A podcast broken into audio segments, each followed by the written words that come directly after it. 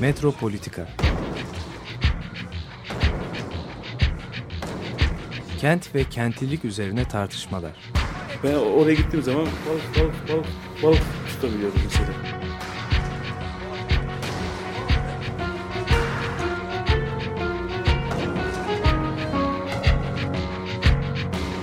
Hazırlayıp sunanlar Aysin Türkmen, Korhan Gümüş ve Murat Güvenç. Takusuyor ki. kolay kolay boşaltamadılar. Yani elektrikçiler terk etmedi Perşembe Pazarı merkezini. Merhabalar, günaydınlar e, değerli Açık Radyo dinleyicileri. Günaydın. Bugün Günaydın. Metropolitika'da üçümüz Tam bir kadro. aradayız. Evet, tam kadro. Murat Güvenç, Aysin Türkmen ve ben Korhan Gümüş. Birlikteyiz. Bu hafta e, İstanbul Limanı'nı işleyeceğimizi söylemiştik. E, geçen haftaki programda. Yarın da İstanbul Modern'de zaten bir e, şey var, toplantı var. E, bu hem serginin e, şeyiyle birlikte gündeme geldi. Hem de yarınki e, şeyde de toplantıda da Murat bize bunu anlatacak. Fakat şimdi radyoda e, bunu işlemeye karar verdik. İsterseniz İstanbul Limanı için geçen programlarda yaptığım şeyi bu programda tamamlayalım. Ee, şimdi İstanbul Limanı dediğimiz zaman tabii şehre hayat veren en önemli e, bölgeden söz ediyoruz. Bugün de dönüşmekte olan bölümü aslında e, şehrin hani bölümleri var, liman çeşitli bölümleri var. Burası daha çok Fransızlar, Hollandalılar, Venedikliler, e, Cenevizliler tarafından kullanılan bir limanmış e, Osmanlı döneminde. E, ve pek fazla da şey e, iç limanla yani Haliç'le çok e, şey değil, irtibatlı değil. Daha önceki programlarda modernleşme döneminde bunun nasıl bir gelişme izlediğini, limanın bu dış limanla ilişkisini vesaire konuşmuştuk. İstersen Murat bu bize bunu bir şey olarak anlat. Şöyle bir tarihçesini biz hatırlayalım İstanbul Limanı'nın nasıl geliştiğini. Evet bu benim yarın yapacağım e, konuşma için de biraz böyle kostümlü prova gibi bir şey olacak. E, onun içinde daha henüz tam tam bitmedi ama epey kafamdaki argümanlar şekillendi. Bu İstanbul Limanı'nın şeyiyle, liman sergisiyle de ilişkimi anlatayım. Liman problematiğiyle de ilişkimi anlatayım.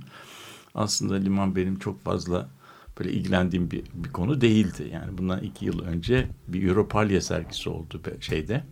E, Antwerp'te oldu. Antwerp'te ve o o, o, o sergi içinde ben de e, Murat Artu'nun küra e, Murat Artu değil Murat Tabanlıoğlu'nun e, küratörlüğünü yaptığı bir sergiydi. Benden de bu sergide işte İstanbul Limanı İstanbul Limanı ve Antwerp Limanı hakkında bir böyle karşılaştırmalı yazı yazmam e, istendi. Ben de bunu yaparken biraz liman tarihleri falan okudum. İstanbul Limanı'nı okudum. Çok ilginç şeyler gelmeye başladı.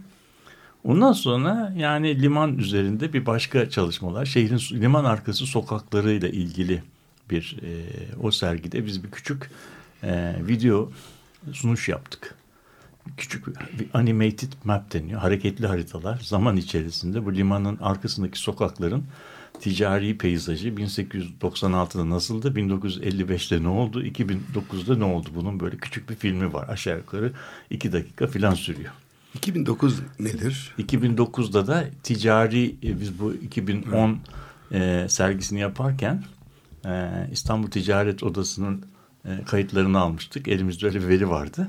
2009'daki duruma göre yani aşağı yukarı 100 yıllık bir şey içerisinde bu liman sokaklarının şeyi nasıl değişti? Ticari peyzajları nasıl değişti? Onunla ilgili bir hareketli haritalardan oluşan bir şey yaptık. Derken üçüncü olarak da bu, bu sergi, bu liman sergisi için e, benimle temasa geçtiler. Bu sergiyle ilgili e, danışman olabilir misin? Ondan sonra bir yazı yazabilir misin şeye? E, kataloğuna. Ben de artık yani böyle nasıl diyelim liman sergilerinin yani nasıl diyelim nöbetçi yazı yazıcısı gibi bir şey oldum. Yani ısmarlama yazı yazıyoruz. Ama her aradan zaman geçtikleri için de geçtiği için de yazılar birbirlerine benziyor ama giderek daha gelişiyor yani. Öğreniyorum çünkü arada. Ondan sonra burada burada da e, doğrusu e, işte Aslıcan, Çelenk Bafra Hanım falan yani onlar beni iyice teşvik ettiler. Bu arada da bir e, biraz okumalara başladım. İki tane harikulade e, tarihçiyle tanıştım. Bir tanesi Ayhan Han, öbürü de Ayşenur bizim merkezde çalışıyor. Bunlar Osmanlı arşivinde e, çalışıyorlar. Yani biraz arşiv kurdu diyebiliriz. Tarihçiler eski yazı okuyorlar. Ve e, onları eskiden beri de tanıyorum. Yani bana eski yazıda bilmediğim için, arşivi de hiç bilmediğim için kendi araştırmalarını yaparken limanla ilgili ne çıkarsa ellerine bana postalıyorlar. Ben de bunları akşamları yazışmaları, e, belgeleri, çizimleri inceliyorum ve bayağı böyle zengin bir e, malzeme oldu. Artık bunlar şey kutular dolduruyor ve artık bir liman tarihi kitabı yazmaya e, kafama koydum. Yani bu kadar belge olduktan sonra bir liman tarihi yazmam lazım. Onun için benim bu yapacağım yarınki konuşmada bu gün burada yapmak istediğim konuşmada aslında bu kitabın bir çeşit içindekiler listesi outline'ı gibi bir şey yani bir özeti gibi e, düşünebilirsiniz. Çünkü hikaye çok çok e, uzun ve heyecan verici bir hikaye. İstanbul Limanı'nın tarihi İstanbul'u yani hem limanın kendisini anlamak için e, şey e, çok önemli. Hem İstanbullulara da e, İstanbullulara da kendi şehirlerini tanıtmak açısından e, önemli. Önce biraz yani bir e, bir de aslında dünyadaki yazılmış sistem? olan hani ticaret yolları, kapitalizm hani bunlar için de hani evet. alternatif hani başka şeyler neydi? Hani ha, bildiğimiz çünkü evet. mesela hani e, hani Das Kapital'i düşündüğümüz zaman hani İngiltere e, üzerinden yazılan bir tarih. Evet. Ama hani İstanbul'dan baktığımız zaman dünya ticareti nasıl gözüküyordu evet. için de çok önemli bir çıkış noktası evet. olacaktır. Şimdi Aysim'in söylediği tabii çok önemli. Bir, bir, bir üçüncü şey de var. Yani hem anlatılan önemli hem anlatılmaya çalışılan biçim. Yani burada bazı yeni ele alış biçimlerine e, imkan veriyor. Ve bize en yeni en yeni kavramsallaştırmaları nasıl tarih alanında kullanabiliriz ki burada e, aktör ağlar kuramı, Deleuze'in asamblaj falan gibi kavramları böyle hani laf ebeliği yapmadan bunun ne anlama geldiğini bu liman meselesinde görebiliyoruz. Üçüncüsü de belki etnografi ile çalışan e, arkadaşlarım hoşuna gidecek şey. Bazı e, nesneler, arkeologların ve etnografların çok sevdikleri şeylerden bir tanesi var. Bir tanesi yani dünya sistemini anlatırken böyle Brodel'in yaptığı gibi total bir tarih yapmak.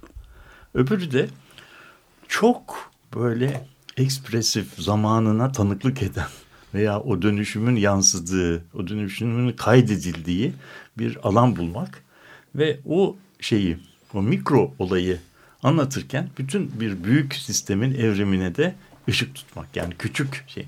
Mesela bu Gertz'in tick description dediği yani derin e, betimleme dediği orada bir horoz dövüşü sahnesindeki Filipinler'deki bir horoz, horoz dövüşü sahnesindeki olaydan, ortamdan bütün Filipin toplumunun nasıl diyelim şeyini e, 6-9'luk vesikalık resmini çıkarmak mümkün olabiliyor. Şimdi limanda böyle bir şey. Önce, önce buradan e, başlayalım. E, kısa bir tarih e, şey yapalım. Bir tanesi şu. yani benden önce bu çalışılmamış bir e, konu değil. E, e, e, Wiener Müller'in İstanbul Limanı diye çok nefis bir kitabı var. Tarih Vakfı'nın. Tarih Vakfı'ndan evet. çıktı. Evet. Maalesef e, şey ölümünden sonra yayınlanmış ama yani ona rağmen hani belki son e, şeyler yapılmamış ama hani son tasihler yapılmamış ama harika bir kitap onu, onu söyleyebilirim. Evet karşılaştırmalı Ona, bir şekilde İstanbul evet, uzun, alıyor. uzun zamanlar içeriyor. Yani bu bir e, Fransızların opus magnum e, dedikleri bir şey. Liman konusunda çalışan benim tarihçi arkadaşlarımdan şey var. İşte Murat Murat Koral Türk eşi liman e, meseleleri üzerinde çalışıyorlar. Eser Tutel İstanbul'da vapurlarla ilgili. Evet programımıza e, defalarca konuk e, etmiştik evet. geçmişte. Ondan sonra yani bu bun, bunların isimlerini burada e, sayalım saymakla da bitmez aslında. E, e, e, ama ben e, bir de tabii sonradan en son keşfim e, bu alanda büyük katkı yapan ve benim esas konuşmamın içerisinde olan Limancı Hamdi, Ahmet Hamdi Başar isimli bir e, zat. E, ben bu limancı Hamdi'nin e, zekasına ve katkısına doğrusunu söylemek gerekirse e, ilk e, kitabı okudu kitabını İstanbul Limanı isimli 1929'da basılmış bir kitabı var. Bu kitabı görü görmez e, hayran oldum diyebilirim ve bütün e, yani benim şehre bakış e, tarzımı tamamen değiştirdi diyebilirim. Bir kere söyleyeyim yani şu anda şehre çok yabancı bir adam değilim. Ömrüm İstanbul'un e, İstanbul'u çalışmakla geçti. geçti, e, geçti. E, ve İstanbul Limanı'nda bütün İstanbullular gibi bizim yabancım değil tamam Yani herhalde ki ömrüm boyunca İstanbul Liman içinden 10 bin defa vapurla girmiş çıkmışızdır. Yani Kadıköy'e gidip geçerken herkes İstanbul artık limanı ezbere çizecek bir haldedir. Fakat biz İstanbullular limanı ve limanı genellikle köprü üzerinden seyrederiz. Yani karadan denize bakarız. Denizci gözüyle İstanbul limanını okumak için yani deniz bir denizci için İstanbul Limanı nedir? Onu onu Ahmet e, Hamdi Başar ve yani veya adıyla Limancı Hamdi'den e, şey yapmak lazım.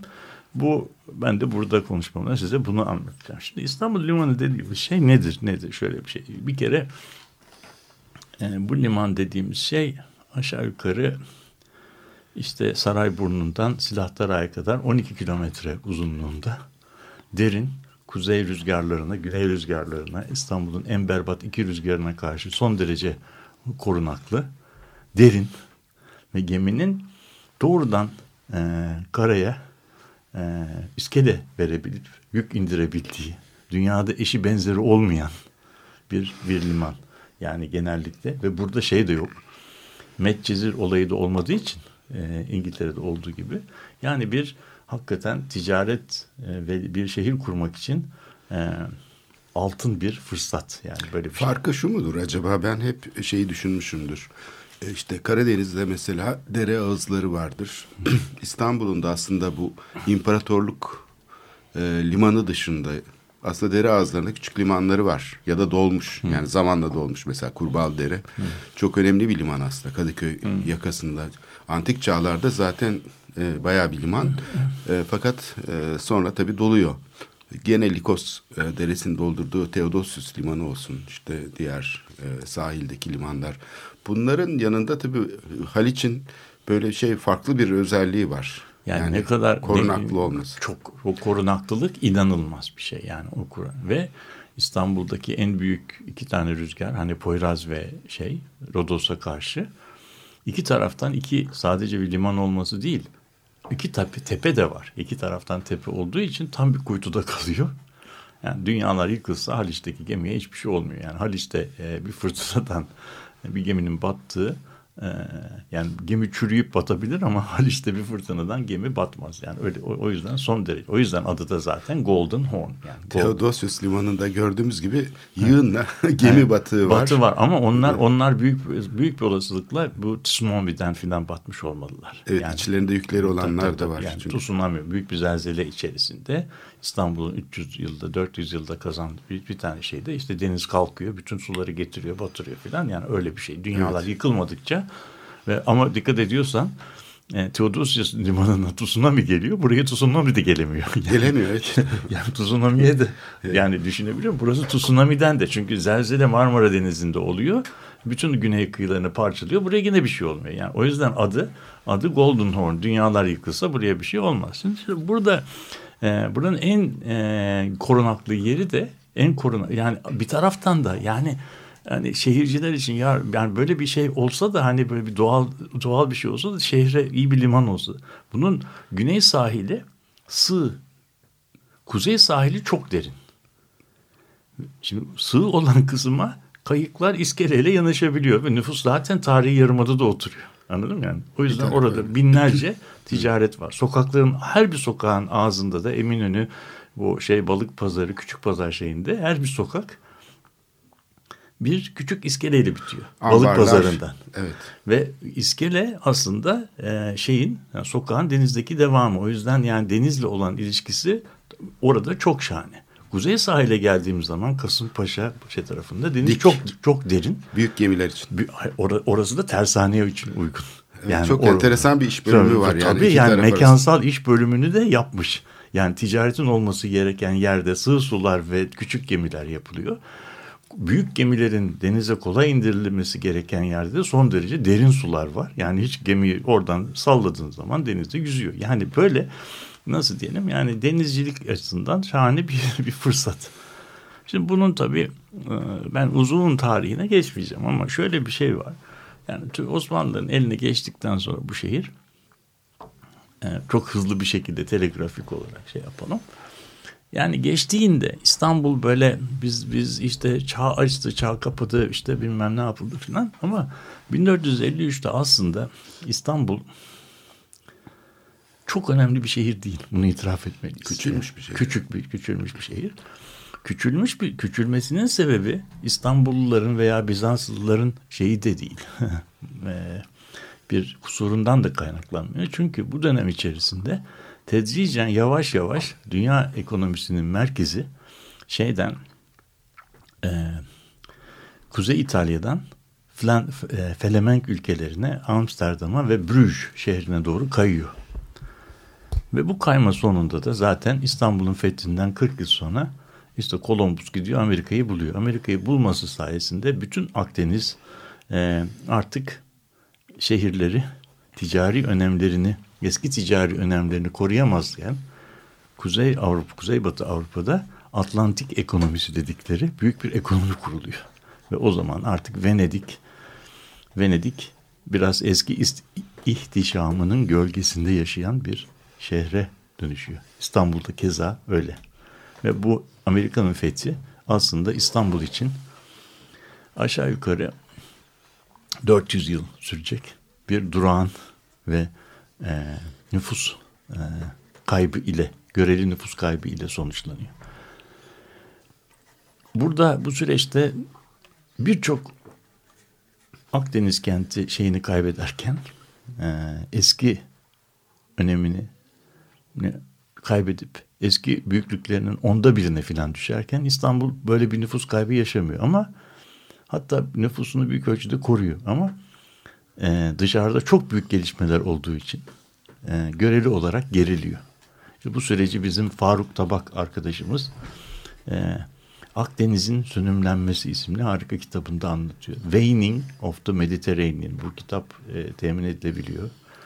Yani yakın zamanda kaybettik. Çok değerli bir şeydi. Brodel Enstitüsü'nde yapıldıydı. Yani ömrünü bu Akdeniz'in bu 400 yılda nasıl sönümlendiği meselesine vakfetmiş bir arkadaştı. Brodelyen bir Akdeniz e, tarihidir.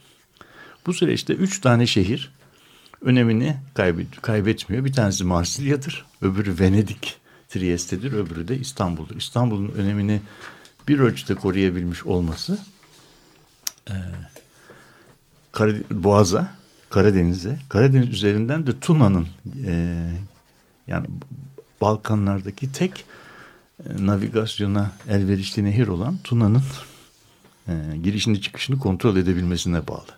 Onun için İstanbul, Venedik, Trieste ve Marsilya'ya İngilizce olarak geçit kentler veya gateway city deniyor. Yani bu gateway'ler farklı dünya sistemlerini birbirine bağlayan arayüzler yani yani Rusyalar, Balkan ülkeleri İstanbul üzerinden dünya ekonomisine bağlanıyorlar. Akdeniz şey havzasının ekonomisi Marsilya üzerinden e, kıta Avrupa'sına bağlanıyor. İşte bu şehirler bu alışverişi yapan yerler. Bunlar da çok önemli yani.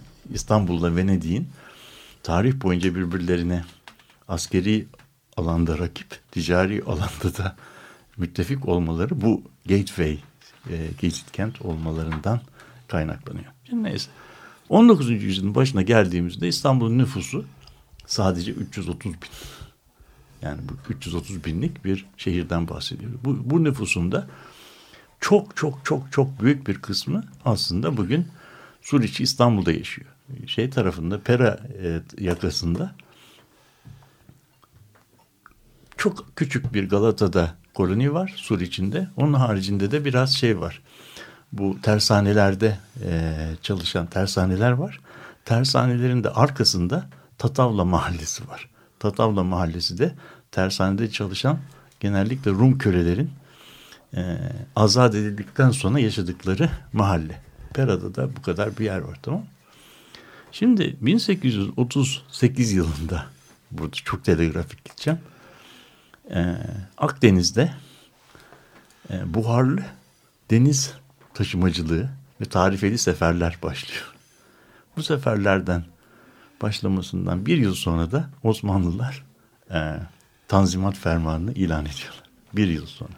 Yani buharlı bu tabi e, Osmanlı o tarihe kadar 400 sene e, sanayileşmiş gelişmiş ülkelerin hiç dikkatini çekmeyen Akdeniz memleketlerinin sanayileşme sürecinde artık sanayi üretimine hızla pazar bulma e, şeyinde giderek önem kazanmalarına yani 400 yıllık o sönümlenme dönemi e, 1830'ların sonunda artık e, sona eriyor ve ilgi yapıyor. Ve bu da İstanbul'da İstanbul'un A dış dünyayla kurduğu ilişki kalıbının değişmesine B şehrin ülkenin içerisinde bu iliş ticari ilişkileri mümkün kılan yeni idari reformlara e, sebep oluyor. Mesela bunlardan bir tanesi lonca teşkilatları, gedik teşkilatları ortadan kaldırılıyor. Müsaadere hakkı yani padişahın müsaadere hakkı ortadan kaldırılıyor. Bir çeşit e, yani yasa yasalı bir hukuk, hukuk sistemine e, geçiliyor. ve Vatandaşların çok, hakları olmaya başlıyor. Başlıyor filan ve bunlar artık şey tarafından da e, padişah tarafından da Ferhat Hümanı'na okunuyor. Ve bu İstanbul'un o 400 yıl süren aslında siyasi açıdan imparatorluğun önemli bir merkezi ama iktisadi açıdan birdenbire önemsiz olan İstanbul birdenbire önem kazanmaya başlıyor. Ve bu önem kazandığı zaman da gelişen alan neresi oluyor? Galata oluyor. Evet, liman Çünkü Galata. liman şimdi Galata o zaman Galata Galata'da dış dünyayla ticaret yapan şeyler var. İşte Cenevizler, koloniler var. Ve, bu, ve burası bir hızla büyüyor ve 1838'de bir İngiliz ticaret anlaşması yapıldı. Önce 39 evet on, aynı zamanda aynı zamanda ticaret anlaşması yapıyor. Hem de aynı tarihte buharlı e, de, gemi seferleri başlıyor. Yani burada işte e, Almanların Deutsche Levant Linie diye yani Levant hatları, Fransızların Messageri Maritim diye hatları, işte Yunanlıların Hellenic Lines, işte şeylerin Rusların e, buharlı deniz deniz taşıma şirketi İstanbul'daki İstanbul'a geliyor. Yani bunlar saatli günlük şey posta vapurları. Boğaz'da Yolcu, çalışan Rus gemileri evet, de var. var. Onlar, bunlar İstanbul'a yüklü. Bunlar geliyor ama aynı zamanda İstanbul Limanı muazzam bir şekilde dış ticarete açılıyor ve böyle aldığı zaman da bu tarihi e, şey Suriçi İstanbul'da yaşayan şeylerin azınlıkların özellikle dil bilen e, Rum, Musevi, Ermeni e, milletlerinin e, biraz dış dünyaya açılabilen kesimleri o, o mahallelerinden çıkarak e, Pera'da oturmaya başlıyorlar. Ve Pera'nın Rumların Rumca'daki adı Stavrodromo denen yer. Stavro biliyorsun İstavros kelimesinden yani dromo da yol demek. Kaldırım da oradan geliyor. Yani yolların birbirini dik kestiği yer, bölge, mahalle. Yani modern mahalle demek. İşte Fener'den bu yeni yaşam biçimine şey yapan aileler e, giderek tarla başına e, şeye taşınmaya başlıyorlar. Oralarda evler yapmaya başlıyorlar. Buradan ama nüfusu artmaya başlayınca karşı yakanın nüfusu artmaya başlayınca öbür tarafta da kocaman bir şehir var. Bu iki şehir arasında e, bir gidiş geliş olmaya başlıyor. Önce bunu kayıklarla sağlamaya başlıyorlar. Kayıklarla sağlamaya başladıktan sonra 1840'lı yıllarda diyorlar ki bu kayıklarla başa çıkacak gibi değil bir köprü yapmamız lazım. Köprüyü kim yapar diye işte o zaman tırnak içinde söylüyorum fıçılar üzerine ilk köprü yapılıyor. Yüzer yani. köprü. Yüzer köprü. Evet. Fıçılar üzerine. Bu da un kapanından Azap Kapı'ya bugünkü Atatürk Köprüsü'nün olduğu yere geliyor. Ve buradan esas amacı da çok mantıklı bir yer. Bu köprü limanı rahatsız etmiyor. Yani insanlar o bütün saray burnundan un kapanına kadarki alanı rahatlıkla liman alanı olarak kullanıyorlar. Ticari şeyde mallar gelebiliyor, gemiler rahat rahat şey yapabiliyor ve bugün bütün o perşembe pazarının önünde şamandıralar var. Gemiler, yelkenli gemiler orada açığa e, şey yapıyorlar ve perşembe pazarında da işte su iskelesi, şarap iskelesi filan gibi iskeleler var. Yani bu perşembe pazarında. Anladın mı? Saat 11.31 oldu. Tam heyecanlı yerine geldik. Burada susalım. bir nefes alalım. Ee, ben şeyden çalalım diyorum. Cem Karaca'nın Mavi Liman diye bir şarkısı var. Evet. Nazım Hikmet'in e, şiirinden sözlerinden almış. Tam da Nazım Hikmet İstanbul hasretiyle artık İstanbul'a dönemeyeceğini anladığı zaman yazmış. Yani. Onun için yorgunum diyor. Evet hadi bakalım.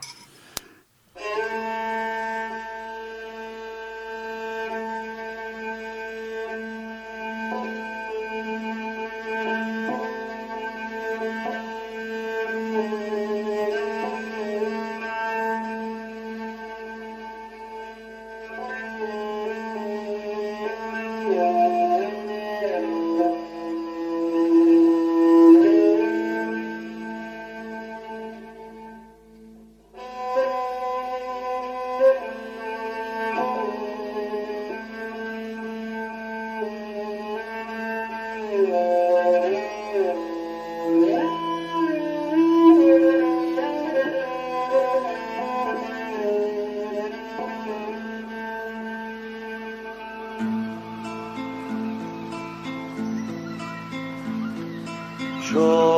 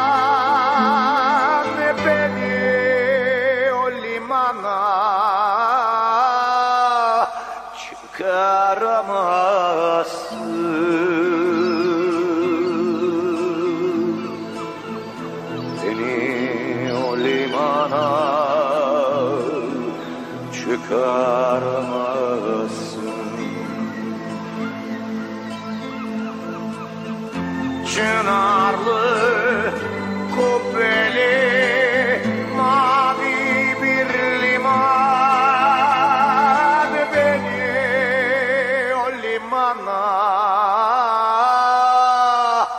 çıkaramazsın.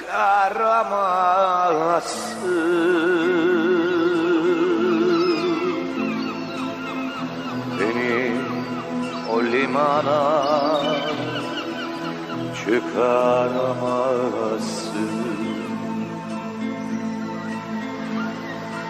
çok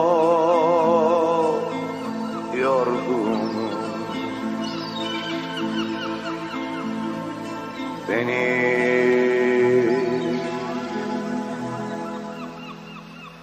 bekleme kaptan.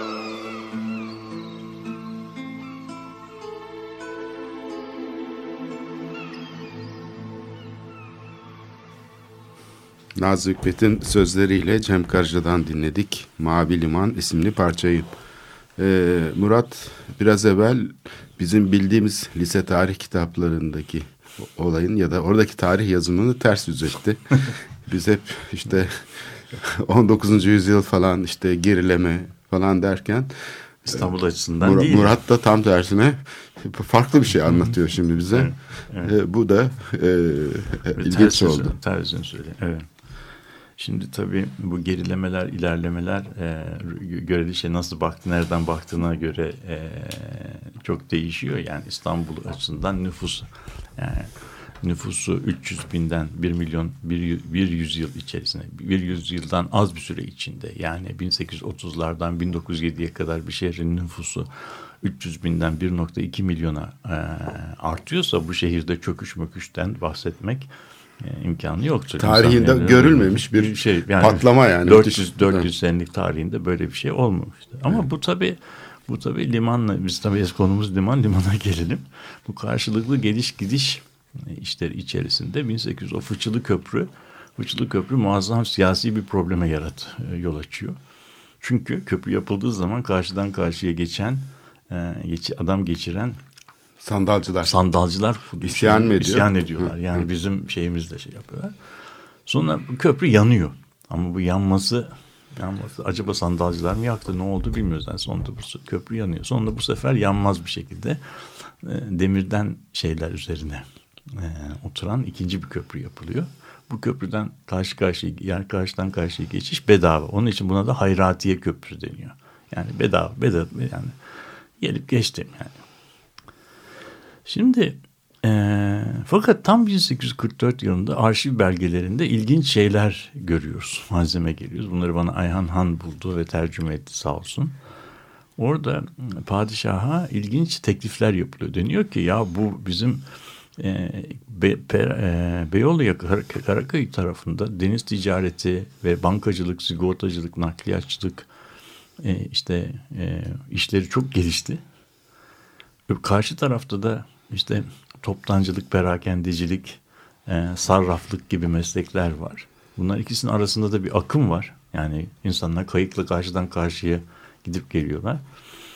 Bu şeyle Karaköy'le Karaköy'le Eminönü arasında bir köprü yaparsak şahane olur. Çünkü hem insanlar kolay geçer hem binlerce insan gelip, gelip geçeceği için de buradan biz e, para kazanırız.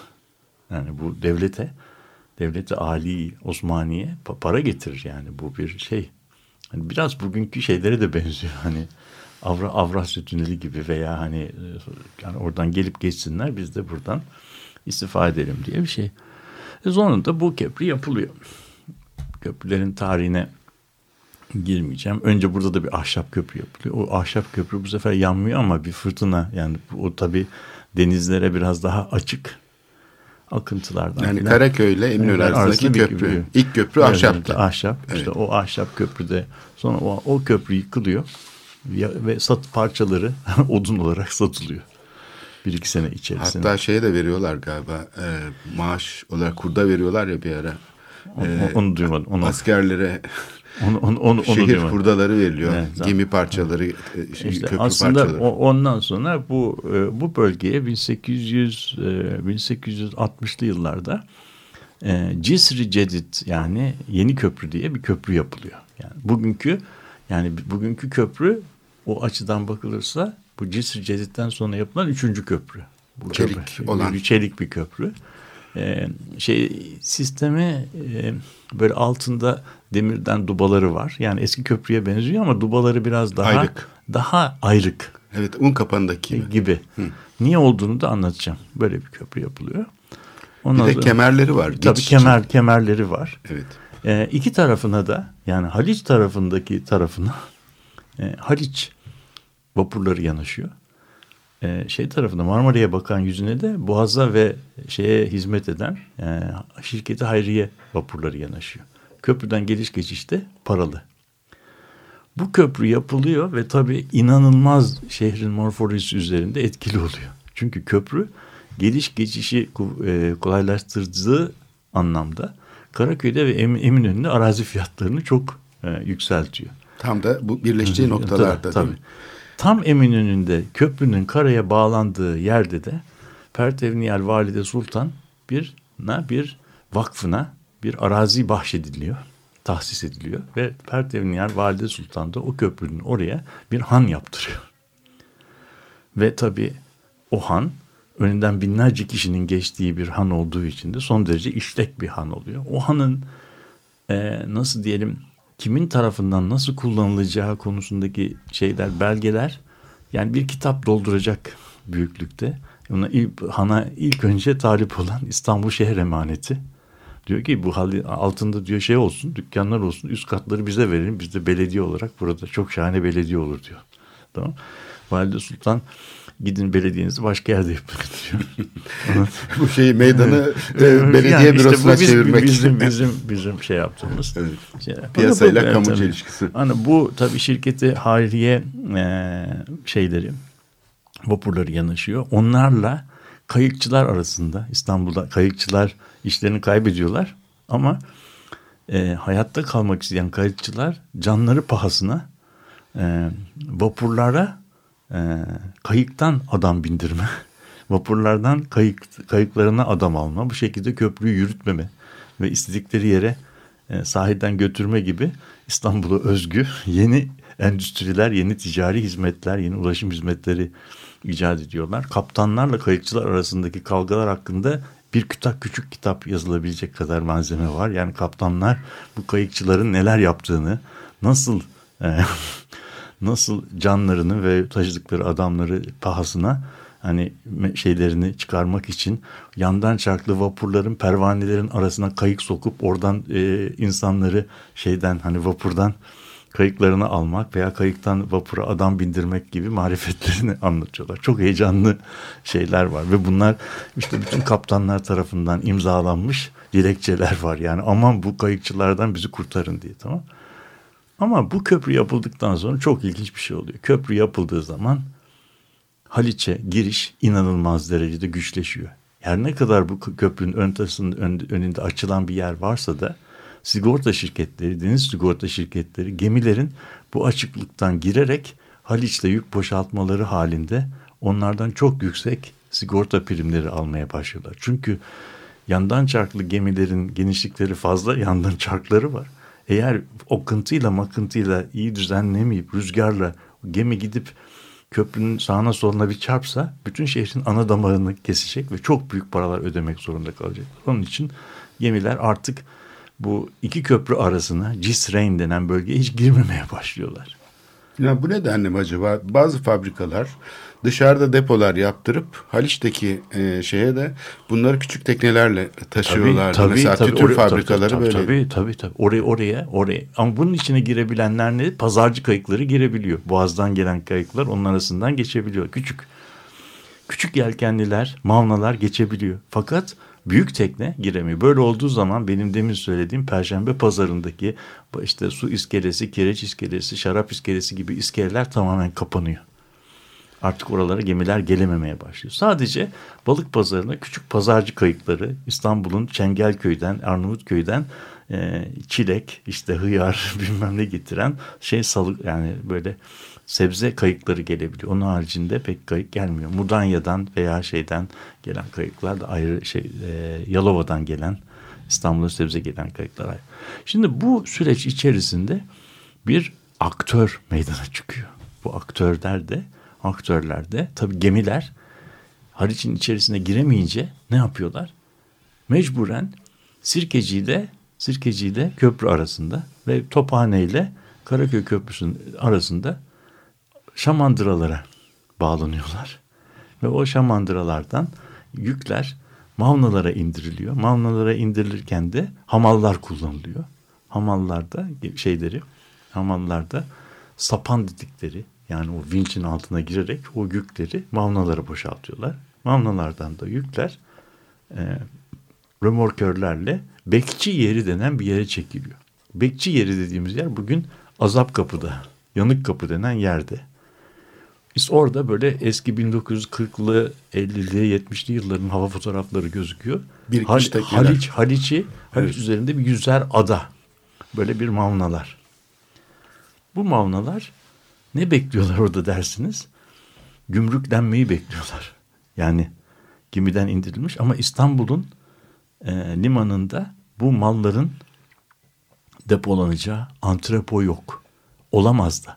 Niye olamaz? Çünkü depo, antrepo dediğimiz şeyler arazinin görece ucuz olduğu yerlerde yapılır.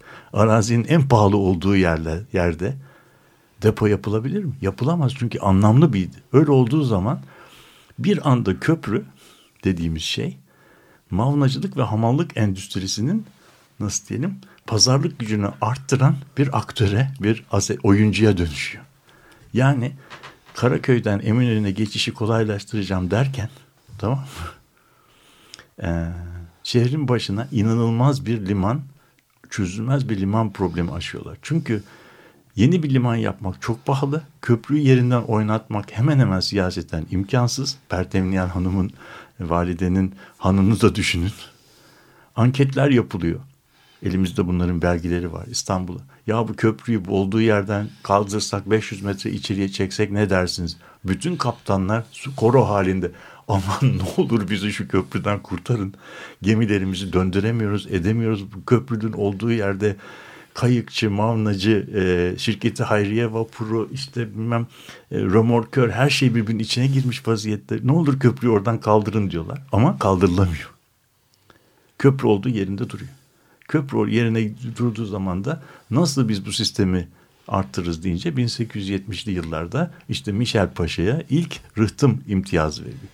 Rıhtım imtiyazı aslında e, Karaköy'ü ve e, Sirkeci'yi anlamak için çok önemli bir şey. Çünkü 1860'lı yıllarda, 70'li yıllarda e, biz bugün şehirde doldurulmuş bir e, sahil çizgisini görüyoruz. Aslında e, gerçi şeyin Beyoğlu yakasının sahil çizgisi neredeyse Sembenua binasının önüne kadar deniz. Yani düz olarak gördüm her yer, yer deniz. düz deniz. Evet bu hep yer her yerde evet, var. Kadıköy'de tabii, bile tabii. var. Ve şeyde Sirkeci tarafında ise istasyona kadar deniz. İstasyonla şeyin arasında. İstasyon hep deniz kenarında olduğu söylenir. Yani. Tamam yani. Evet. Evet. Şimdi o zaman bu e, İstanbul Rıhtım Şirketi e, ne verilen imtiyaz bu rıhtımlardan e, un kapanından Sarayburnu'na ve şeyden de e, yine un kapanının karşı tarafında şeyden azap kapıdan e, tophaneye kadar rıhtım yapma imti, imtiyazı var. Şirkete verilen imtiyaz aynı zamanda bu alanları dolduracak. O alanların kenarında tramvay hatları gibi yani hat düşecek. Buralara mağaza ve bina yapacak yani binalar yapacak. Arazi elde ediyorlar. Yani. Arazi ediyor. Orası onun olacak ve bunu işte 99 sene kullanacak. Yani bir çeşit yap işlet devlet. Şirket tabii çok akıllı bir şirket olduğu için 1990 1890'lı yıllarda operasyona başlıyor. Gemilerin girmediği yere rıhtım yapmanın bir anlamı olmadığı için imtiyaz ona bu iki köprü arasında da rıhtım yapma imtiyazını vermesine rağmen orayı hiç kullanmıyor. Ama öbür tarafı dolduruyor. Ve o rıhtımlar bizim bugün gördüğümüz yani şeyde Karaköy'de efendim yani inanılmaz belki 150-200 metrelik bir deniz dolgusu. Sirkeci'de baktığımız zaman 150-200 metrelik bir deniz dolgusu Modern var. liman böyle oluşuyor. Şey, yani. Rıhtım yapılıyor. Evet. Ve buraya dökülen, buraya dökülen taş, burada dökülen taş yani inanılmaz büyüklükte. Yani neredeyse Atatürk barajını kullanmak için yaptığı. Bunun adına Fransızca'da enrochement deniyor. Yani bölgeyi kayalarla doldurmak. Kayalar. Ve bu dolduruluyor. Sonra denizin bunları oturması bekleniyor. Sonra tekrar yıllarca buraya kayalar, kayalar, kayalar, kayalar, kayalar, kayalar kuruluyor. Hatta işte bu adalar yani hayırsız adadan e, dinamitlerle şeyler patlatılıyor. Oradan gemilerle getiriliyor. Bizim şey tarafından e, e bu hmm, nasıl diyelim şu Kız Kulesi civarındaki sığlıktan e, şeyler kaş e, mıcır alınıyor. Bunların aralarına dolduruluyor ve bu 10 yıl e, dolduruluyor. Ve 1894 depreminde yapılan şeyin büyük bir kısmı gene çöküyor. Onun üzerine tekrar dolduruluyor. Ve sonunda bu büyük bir şeyle e, büyük bir e, alay valayla işte 18'in 19'un 1890'larda bu e, iki rıhtım, sirkeci rıhtımı ve şey rıhtımı bitiriyor. Buyurun. Bugün ben e, vapurla geliyordum ve e, bahsettiğiniz e, alanda ki büyük yıkımı da Görüyor. gördüm. Çok üzücü hakikaten. Liman binasını evet. söylüyorsun değil evet. mi? Tam yani yani çok bu, denk bu, bu, geldi bu da, gerçekten. Bu da hikayenin, bu da hikayenin belki e, sen Fransız filmi gibi sonunu başından seyrederek gelmiş. gelmiş yani. evet. evet. İşte böyle bir böyle bir şey oluyor. Bu burası dolduruluyor. Fakat doldurulan şey ilginç olan bir şey var. Kurulan şirketin adı İstanbul Rıhtım Şirketi, liman şirketi değil.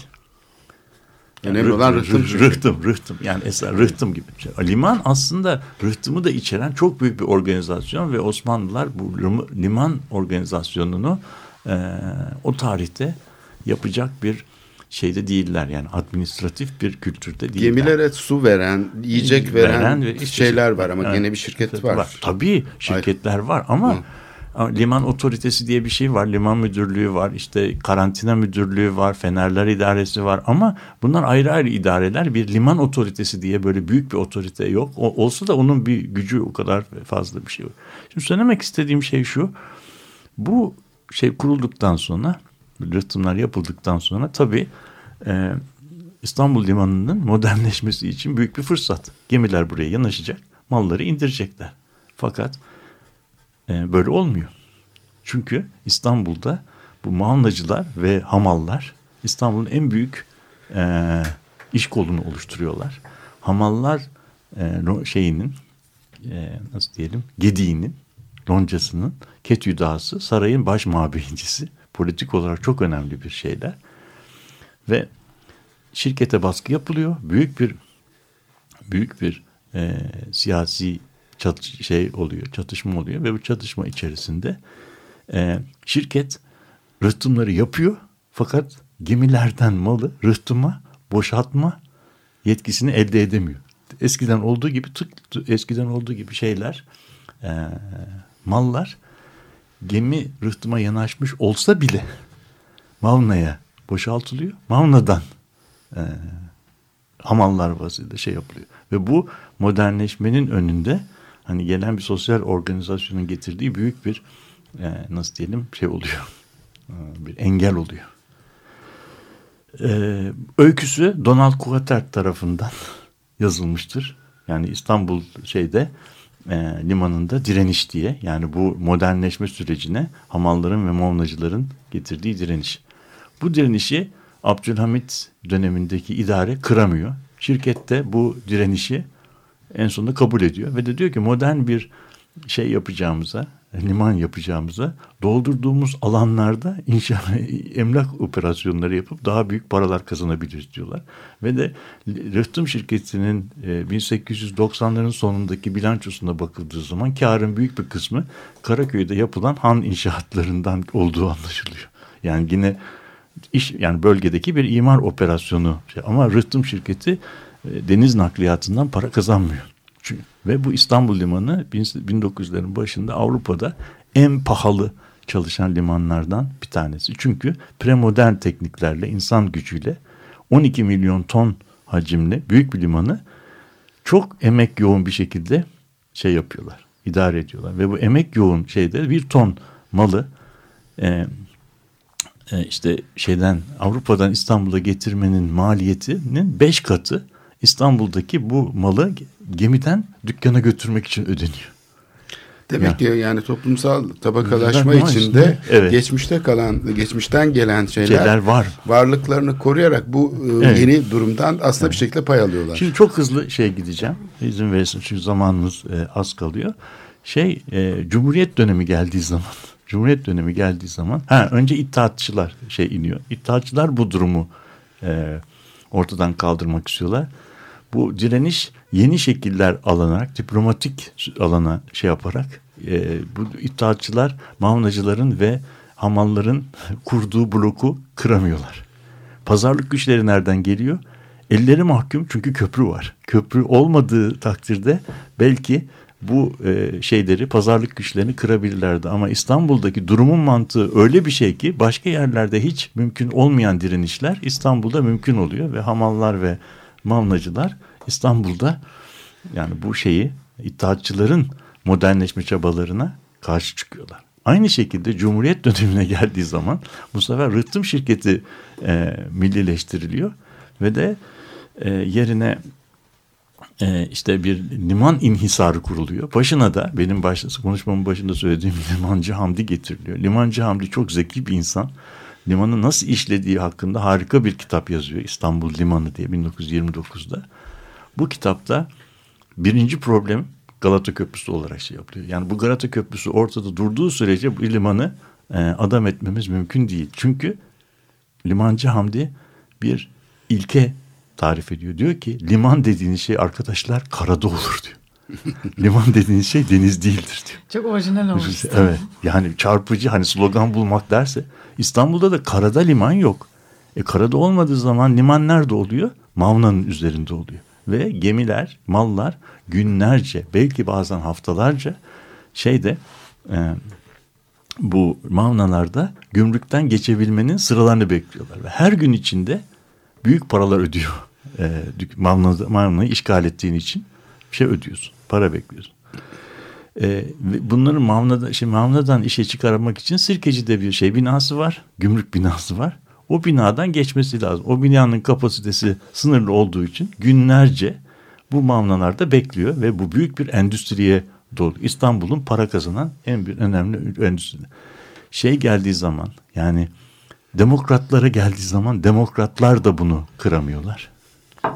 Demokratlar da bunu kıramıyorlar ve 1970'lere geldiğine kadar İstanbul'da bunun bazı resimleri var onu şey yapabiliriz. Bu kırılamayan e, şeyin e, çözülme çözülmesini ve birdenbire e, mavnacıların ve e, hamalların hiçbir siyasi gücün üstesinden gelemediği e, blokunu bir teknolojik yenilik e, Ortadan, Oradan kaldırıyor. kaldırıyor ve biz ona konteyner diyor. evet. Konteyner burada bitirelim. konteyner geliyor ve, ve ondan koyuyor. sonra yani gökyüzüne evet. yeryüzüne çarpan şey gibi meteor evet. gibi bir anda bütün bu olayı ortadan kaldırıyor. Yarın anlatacağım şeyin kabaca şeyleri bunlardı. Bu arada yani İstanbul'daki tüketim ekonomisinin de aslında e, hani nasıl istenilen şekilde gelişemedi yani gelişebilecekken önüne bir engel olduğu Çünkü ve her çok şey pahalı. İstanbul'un çok pahalı bir şehir olmuş tabii, olması. Tabii bu, bu o adamlar bu, bu, adamlı, baş, bu başta adamlı, söylediğin şeyi getirdi. Eşyaların ve nesnelerin de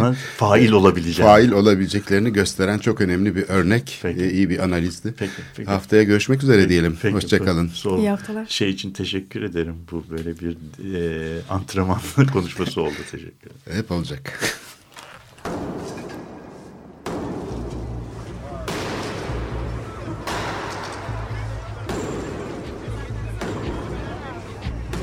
Metropolitika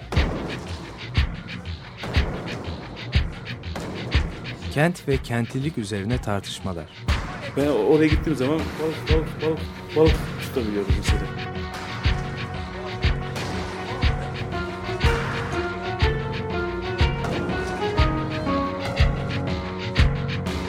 Hazırlayıp sunanlar Aysin Türkmen, Korhan Gümüş ve Murat Güvenç takusuyor ki. Kolay kolay boşaltamadılar. Yani elektrikçiler terk etmedi Perşembe Pazarı merkezini. Açık Radyo program destekçisi olun. Bir veya daha fazla programa destek olmak için 212 alan koduyla 343 41 41